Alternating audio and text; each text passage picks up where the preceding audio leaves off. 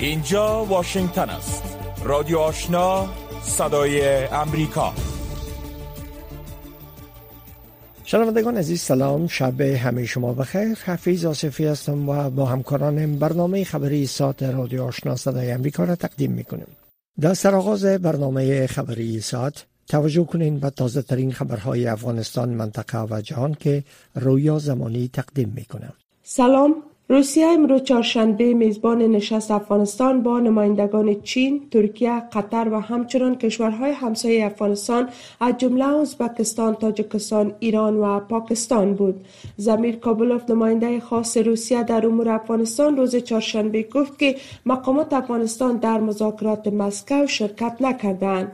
اگرچه مسکو طالبان را به عنوان یک گروه تروریستی معرفی کرده و آن را در خاک روسیه غیرقانونی اعلام کرده است طالبان در روسیه نمایندگی دارد. و هیئت در مجمع اقتصادی بین المللی سنت پیترزبورگ اخیرا شرکت کردند. ریستین بیزید رئیس مرکز تروریسم اداره استخبارات ملی امریکا به کمیته امنیت داخلی مجلس نمایندگان این کشور گفته است که خشونت و افراطگرایی همچنان تهدید برای غرب است. بانو ابیزید به کمیته امنیت داخلی مجلس نمایندگان امریکا گفته است که به نظر می رسد شاخه خراسان داعش فعالیتهایش را به خارج از افغانستان گسترش خواهد داد. جزیات بیشتر را از نسرین محمود عزیزی مشنوید. رئیس مرکز تروریسم اداره استخبارات ملی امریکا گفته است کشته شدن ایمن الزواهری رهبر شبکه القاعده در ماه جولای عقبگرد استراتژیک برای این گروه بوده و شاخه افغانستان این شبکه در حال حاضر در موقعیت ضعیفی قرار دارد. اما وی گفت که القاعده هنوز هم قصد حمله به منافع امریکا را دارد. کریستوفر ری رئیس اداره تحقیقات فدرال ایالات متحده نیز به کمیته مذکور گفته است که اف بی آی از وضعیت افغانستان پس از حاکمیت دوباره طالبان نگران است. زیرا با گفته وی پس از حاکمیت طالبان در افغانستان آنان در کار جمعآوری اطلاعات در آن کشور با چالش های زیادی مواجه شدند با گفته او داعش و دیگر گروه های تروریستی از جمله القاعده قصد دارند تا حملات بزرگی را در امریکا انجام بدهند این نگرانی ها بعد از کشته شدن ایمن الزواهری رهبر شبکه القاعده در حمله تیاره های بدون سرنشین امریکا در کابل در 31 جولای سال جاری افزایش یافته است. محمد یعقوب مجاهد سرپرست وزارت دفاع حکومت طالبان می گوید که به تمام جهان از حفاظت شدید از سرحدات افغانستان اطمینان می دهد. جزیات بیشتر را از فوزی احسان مشنوید. بر اساس اعلامیه وزارت دفاع حکومت طالبان سرپرست وزارت دفاع حکومت طالبان دیروز شنبه 15 ماه نوامبر در دیدار با طارق علی بخیت معاون امور فرهنگی و بشری سازمان همکاری اسلامی در کابل گفت که خاک افغانستان هرگز علیه کشورهای دیگر مورد استفاده قرار نخواهد گرفت. در این اعلامیه از قول آقای مجاهد نوشته شده است که با حفاظت جدی از مرزها ما به تمام جهان اطمینان می دهیم که خاک افغانستان هرگز علیه سایر کشورها استفاده نخواهد شد. سرپرست وزارت دفاع طالبان گفته است که حکومت این گروه به موافقتنامه دوحه متحد است و خاک افغانستان تهدید برای هیچ کشوری نخواهد بود. این در حالی است که وزارت خارجه ایالات متحده در رابطه با کشته شدن ایمن الزواهری رهبر شبکه القاعده در کابل گفته است که طالبان با جای دادن به زواهری به طور جدی از توافق دوها سرپیچی و آن را نقص کردند. منابع محلی می‌گویند که انفجار ماین کنار جاده در شهر طالقان مرکز ولایت تخار موتر رنجر طالبان را هدف قرار داد. این انفجار صبح امروز چهارشنبه در مقابل محکمه شهر طالقان رخ داده است. عبدالبوبین سخنگوی قماندونی امنیت طالبان در تخار وقوع این انفجار را تایید می‌کند. تمام می‌گوید که تلفات را در پی نداشته است. اما این منابع که به خاطر حساسیت موضوع نخواستن نامشان گرفته شود گفتند که رنجر طالبان در این انفجار کاملا تخریب شده و تلفات هم به طالبان وارد شده اما ارقام این تلفات را شریک نساختند تا هنوز کسی یا گروه مسئولیت این رویداد را نپذیرفته است. یونامان وقت دیشب در تویتر نگاشته است که حقوق تمامی افغانها مشخصا دسترسی زنان به تمامی بخش های زندگی و حق آموزش دختران باید رعایت شود. دفتر هیئت معاونت سازمان ملل متحد در افغانستان یا یونما با اشاره به ممنوعیت رفتن زنان به پارک های تفریحی، حمام ها و سالن های ورزشی در این کشور عمیقا ابراز نگرانی کرده است. به تازگی اتحادیه اروپا هم وضع محدودیت های تازه بر زنان را نقص جدی حقوقشان خوانده پیتر استود سخنگوی ارشد این اتحادیه در امور خارجی ناوقت دوشنبه در تویتر نگاشته بود که از طالبان می‌خوان به مکلفیت هایشان مطابق قوانین بین المللی پابند بمانند. برنامه جهانی غذا می‌گوید که در زمستان سال روان در نظر دارد که هر ماه از 15 میلیون نفر در افغانستان حمایت شود. این اداره ملل متحد نوقت سه شنبه 15 نوامبر با نشر توییت گفته است که این خانواده ها قبل از اینکه برفباری و یخبندان جوامع آنها را غیر قابل دسترس کند کمک دریافت خواهند کرد. از هم این اداره ملل متحد برای تحت پوشش قرار دادن نیازمندان در مناطق دورافتاده و سرسیر 72 هزار متریک تن مواد غذایی را جابجا کرده است. در همین حال نماینده صندوق جمعیت ملل متحد برای افغانستان گفته است که 79 درصد مردم در این کشور به وسایل گرمایش دسترسی ندارند. او امروز چهارشنبه در توییت نگاشته است که زنده ماندن در زمستان تلخ چالش اضافی برای مبارزه روزانه مردم افغانستان خواهد بود. صندوق جمعیت ملل متحد بسته های زمستانی را توضیح می کند و خانواده های آسیب پذیر را در اولویت قرار می دهد تا به آنها کمک کند سرمایه شدید را تحمل کنند. خبرهای منطقه و جهان را از امواج رادیو آشنا صدای امریکا دنبال می کنید مقام های امنیتی پاکستان می‌گویند که در حمله مهاجمان مسلح بر یک موتر پلیس در شمال غرب آن کشور شش منصوب پلیس که سوار بر این موتر بودند کشته شدند.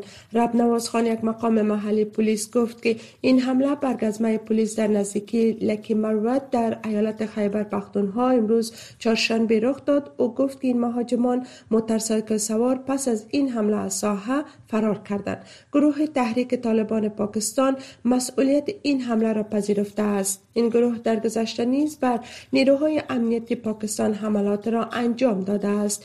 محمد خراسانی سخنگوی این گروه با انتشار اعلامیه گفته است که این موتر پلیس برای انجام یک حمله در راه بود که با کمین شب نظامیان مواجه شد.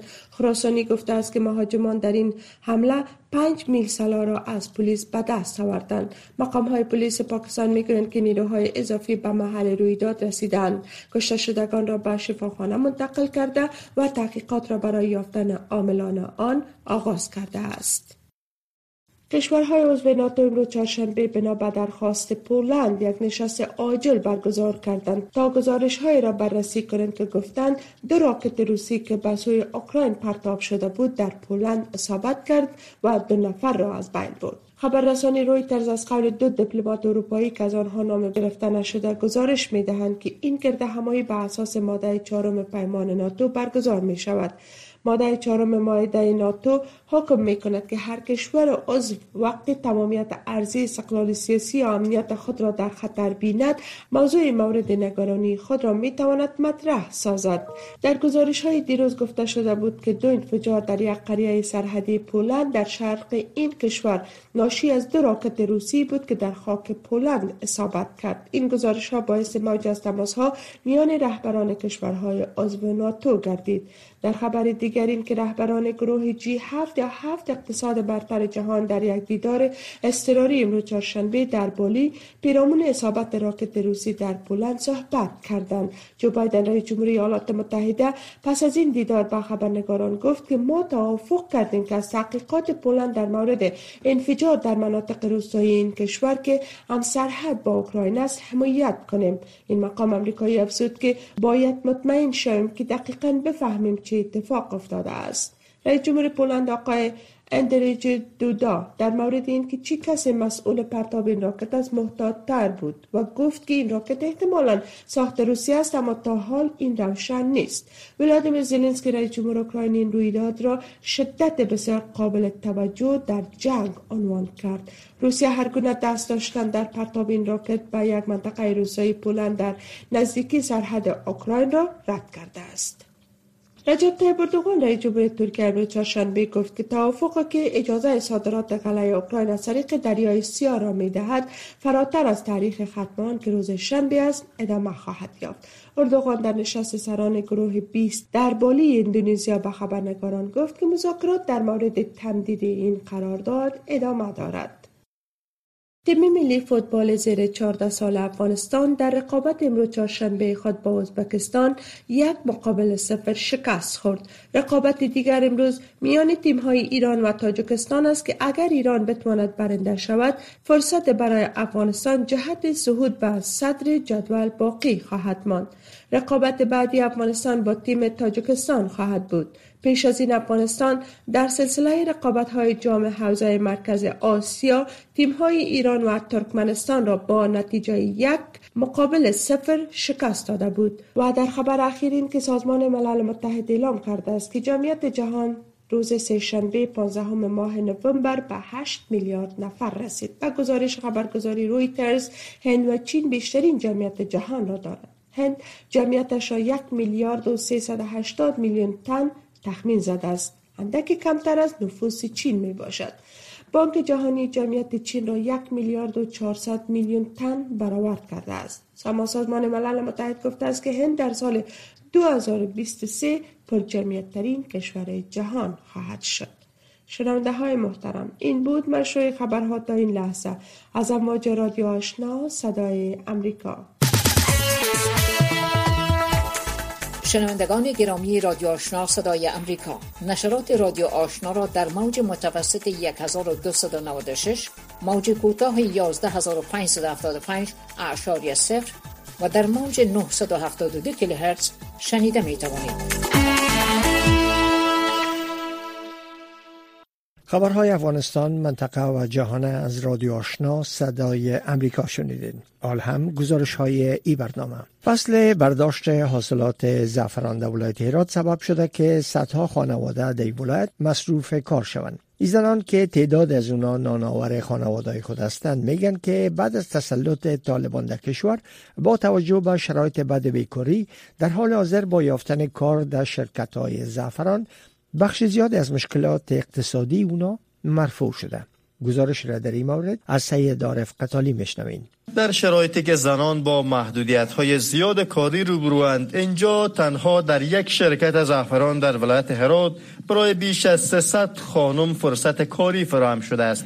برخی از این زنان که تنها نانآور خانواده هایشان هستند می‌گویند هرچند این کار کوتاه مدت است اما آنان را در مخارج زندگی کمک می کند آغاز پروسه یک فرصت کاری خوب برای خانم های همچنان یک کمک برای اقتصاد خانواده ها می‌تونه بکنه.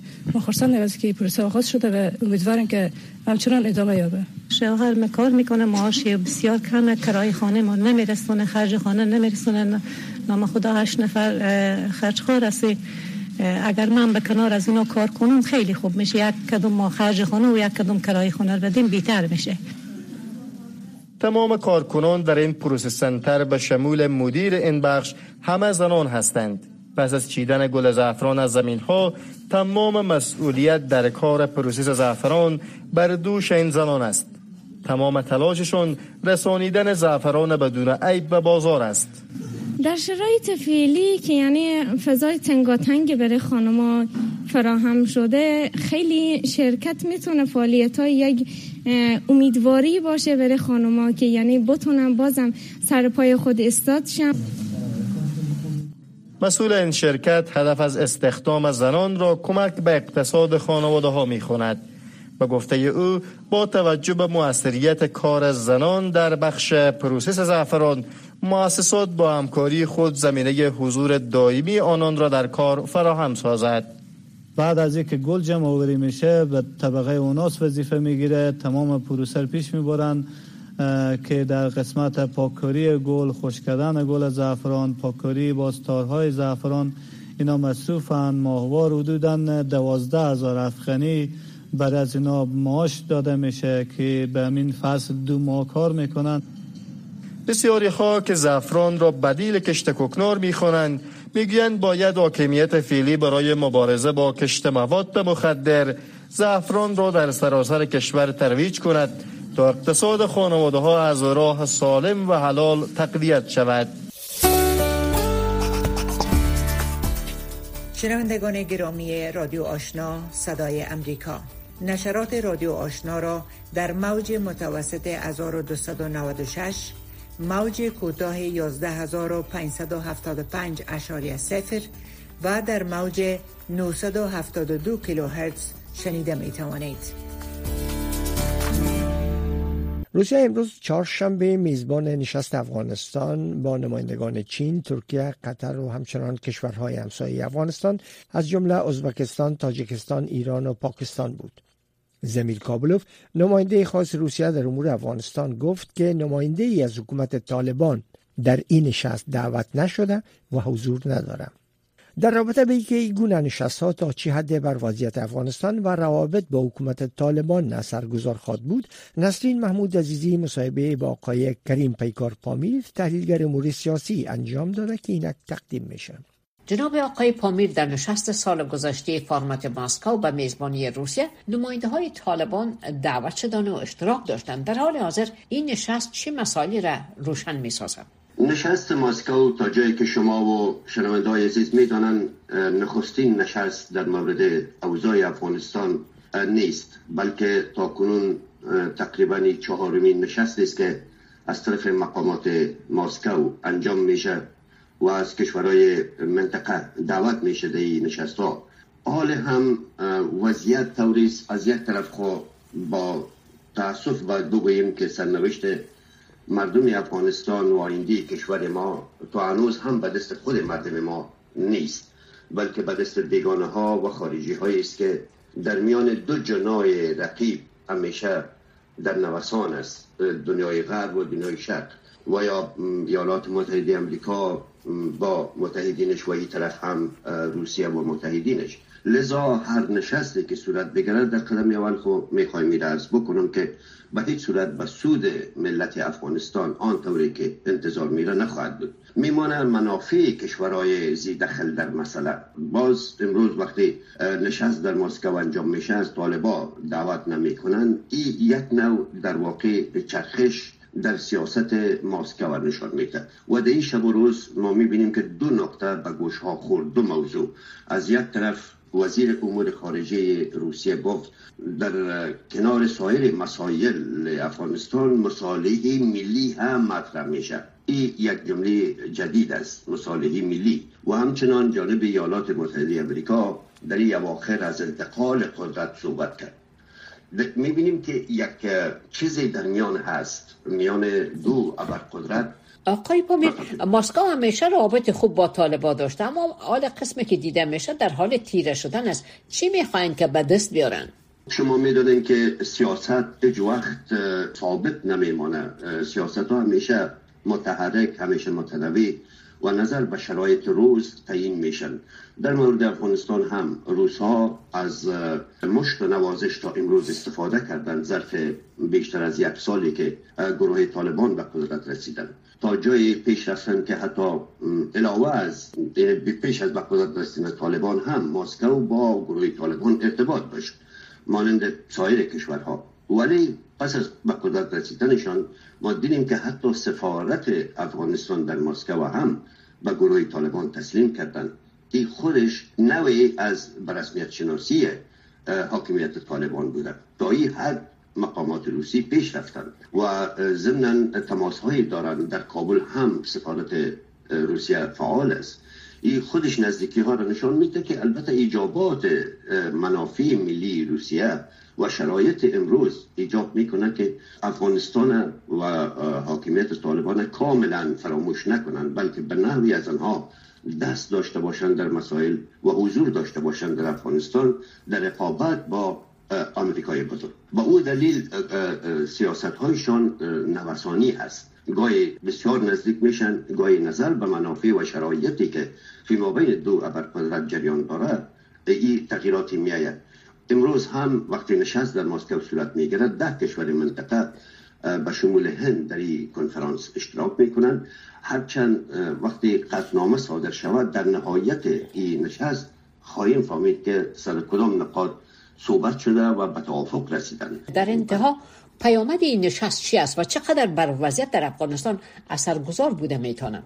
من زیاد معتقد نیستم که به زودی و مفید به حق ملت ما تمام شود. فقط بگو مگوها رقابت ها خواست ها و نقاط نظر خودی کشورهای اشتراک کننده بیشتر مهم است و مطرح است. تا اوضاع و احوال درون افغانستان. اما تلاش می‌کنن که با این نشست ها و با این نمایش ها اگر بتوانند از گروه طالبان امتیاز بگیرن به اشکال مختلف. و یک چیزی را که کاملا ما شما می‌دانیم او حراس روسیه از موجودیت گروه های تروریستی در افغانستان است که این کاملا مسلم است. نه تنها روسیه بلکه کشورهای محور و کشورهای همسایه روسیه همچنان از اینها دچار نگرانی ها هستند. لذا به این نتیجه می رسیم که وزار دقیقا در افغانستان زیر نظر دارند اما طوری که امریکا هم افغانستان هیچ وقت فراموش نکرده به صورت غیر مستقیم دخیل از در امور تعیین سرنوشت مردم ما. پس ما یک بار دیگه می‌تونیم بگوییم که افغانستان در میان دو جبهه و دو جنای صاحب منفعت یا دخل دچار شده لذا در نزدیکی ها من فکر نمی کنم که هیچ نوع نتیجه مثبت برای ملت افغانستان داشته باشه. تشکر از وقت شما. رادیو آشنا صدای امریکا هفت روز هفته. خبر و گزارش ها و تحلیل های خبری روز در این اواخر مقام های پاکستانی دست به اقدامات زدن که دلالت بر کشیدگی در روابط پاکستان با طالبان دارد. پس از افزایش فشارها بر مهاجران افغان در پاکستان بازداشت مهاجران و اعلام اخراج اجباری اونا در آستانه زمستان اکنون پاکستان مرز چمن بین پاکستان و افغانستان مسدود کرده که در نتیجه ده ها لاری حامل اموال تجارتی تاجران افغان در مرز گیر ماندند. تحلیلگران افغان میگن که اقدامات پاکستان دلایل سیاسی داره زیرا به گفته اونا امریکا در اواخر به صورت مستقیم با طالبان وارد گفتگو شده و این موضوع شاید پاکستان خشمگین ساخته باشد در این رابطه فوزی ایسان مصاحبه با دکتر هاشم دانش تحلیلگر مسائل سیاسی نظامی انجام داده که با هم بشنویم. به نظرتان دلیل کشیدگی ها در روابط پاکستان و طالبان در اواخر چیست؟ و طور مثال مرز چمن بسته شد بین افغانستان و پاکستان مثلا مهاجرین افغان در اوجا زیر فشارهای بسیار شدید قرار گرفته و همچنان اعلان شده که مهاجرین در ماه دسامبر مهاجرین به اسناد از اوجا اخراج میشه. همه این نشان دهنده کشیدگی بین روابط افغانستان و پاکستان است. به نظرتان دلیل این کشیدگی چی می‌تونه باشه؟ بعد از اینکه تام وست در یک سخنرانی خود گفت که رابطه ما و دید و با دید ما با طالبا به سطح بسیار خوب پیش میره و ما به کشور میانجی یا سیومی ضرورت نداریم. دلالت بر این می‌کرد که امریکایا مستقیم می‌خواه با طالبا دیل کنن معامله کنن. به این لحاظ ملاقات هم که در قطر دوها انجام شد بین معاون استخبارات امریکا و رئیس استخبارات طالبا به این مانا که پاکستانی ها هیچ حضور نداشتن. پاکستانی ها چنین فکر می‌کنن که و تفکرشان ای بود که هر معامله را که طالبا امرای امریکایا بکنه باید پای پاکستان در میان باشد. یعنی زمانت باید از پاکستان بگیره و پاکستان به قدرت رسیدن طالبا را چنین در ذهن خود داشتن که افغانستان صوبه پنجمش است غافل از این بودن که طالبا خودشان مستقلانه می‌خواه رابطه را با امریکا تامین بکنه و امریکا هم در شرایط فعلی دو کشور شکست خورده اقتصادی هم پاکستان و هم افغانستان را امکان پذیر نیست که بتانه دو کشور را با پای کنه. شما می‌فهمید که روزا در هر هفته 40 45 میلیون دلار را در بانک مرکزی افغانستان امریکایا ظرف می‌کنن. به این لحاظ اگر همچون کمک را به پاکستان هم انجام شود در توان امریکایا نیست. این دلالت بر این کرد که یک مقدار پاکستانیا در قبال طالبا بدبین شود یعنی کوشش می‌کنن که طالبا را تحت فشار قرار بده که دوباره بر تامین رابطهش با امریکایا و چگونگی گفتگو با امریکایا با پاکستانیا رجوع بکنن اما دانش صاحب تعدادی از گزارش ها یا تحلیل ها به این نظر است که امی کشیدگی ها یا روابط تیره بین طالبان و پاکستان نمایشی است. من فکر نمی کنم. دلیلش است که امی لحظه هم در بولدک و تورخم در بخصوص در بخش ترانزیتی پاکستانی بسیار برخورد بیرحمانه را نسبت به تجار افغان می‌کنند به خصوص کسایی که میوه تر را می‌برند اکثرا پنج روز شش روز در گمرک اینا را قصدن تال میده و بروکراسی و کاغذ پرانی را می‌کنه که تا او میوجات فاسد شود. ضرر اقتصادی در شرایط فیلی برای طالبا و یا بر تجار افغان برای طالبا بسیار سکیل و سخت تمام میشن به این لحاظ نمایشی نه اگر واقعا طالبا یا پاکستانی ها تصمیم تقویه طالبا را می داشتن و به این فکر می بودن که باید طالبا تداوم پیدا بکنن کوشش به این نمی کردن که مهاجرین تحت فشار قرار بده یا بنابر سر از اونا با مشکل روبرو بکنن. و به نظر شما چطور شد که امریکا مستقیما خواسته باشه با طالبا وارد مذاکره شود؟ منافع امریکا در پاکستان و روابطش با طالبا ایجاب می‌کنه که اینا م... یعنی این امکان فراهم می‌کنه؟ زمینش وجود داره که امریکا مستقیم با طالبا وارد مذاکره شود؟ عملا در شرایط فعلی ما می‌بینیم که تمام مذاکراتی که در دوحه جریان دارن و دید وازدیدهایی که تامویس و بخش استخبارات امریکا دارن مطلقا اینا با طالبا به نتایج رسیدن. حتی در مورد ساخت حکومت همه شمول و فراگیر و مسائل اقتصادی دیگری.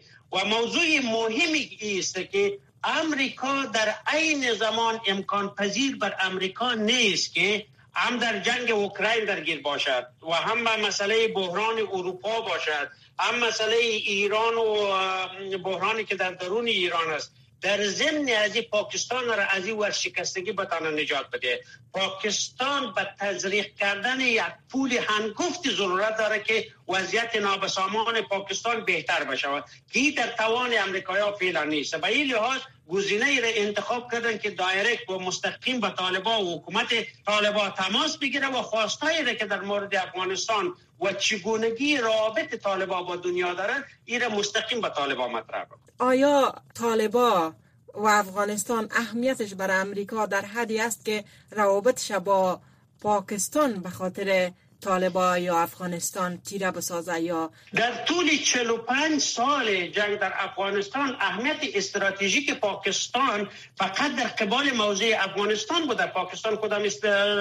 اهمیت استراتژیکی را بر امریکایا نداشته. پاکستان همیشه با دو پالو بازی کرده با چینایا که رقیب اصلی امریکایا رابطه بسیار حسنه داره. زمینه سرمایه گذاری رو به چینایا مساعد کردن. یگانه اهمیت پاکستان در, در بودن منافع استراتژیک امریکایا در افغانستان بودن که بر پاکستان ارزش قائل شدن که بتانا در افغانستان منافع خود تامین کنند. وقتی که منافع امریکایا مستقیم در افغانستان تامین بشه ضرورت بر پاکستان و یک کشور را وجود ندارد. روک و راست. صحبت های داغ صاحب نظران در مورد خبرها و مسائل روز هر شام از ساعت 8 تا 9 شب. در برنامه مشترک دری و پشتوی رادیو آشنا صدای امریکا. بخش زنده این برنامه را در نشرات ماهواره صدای امریکا نیز دنبال کرده می توانید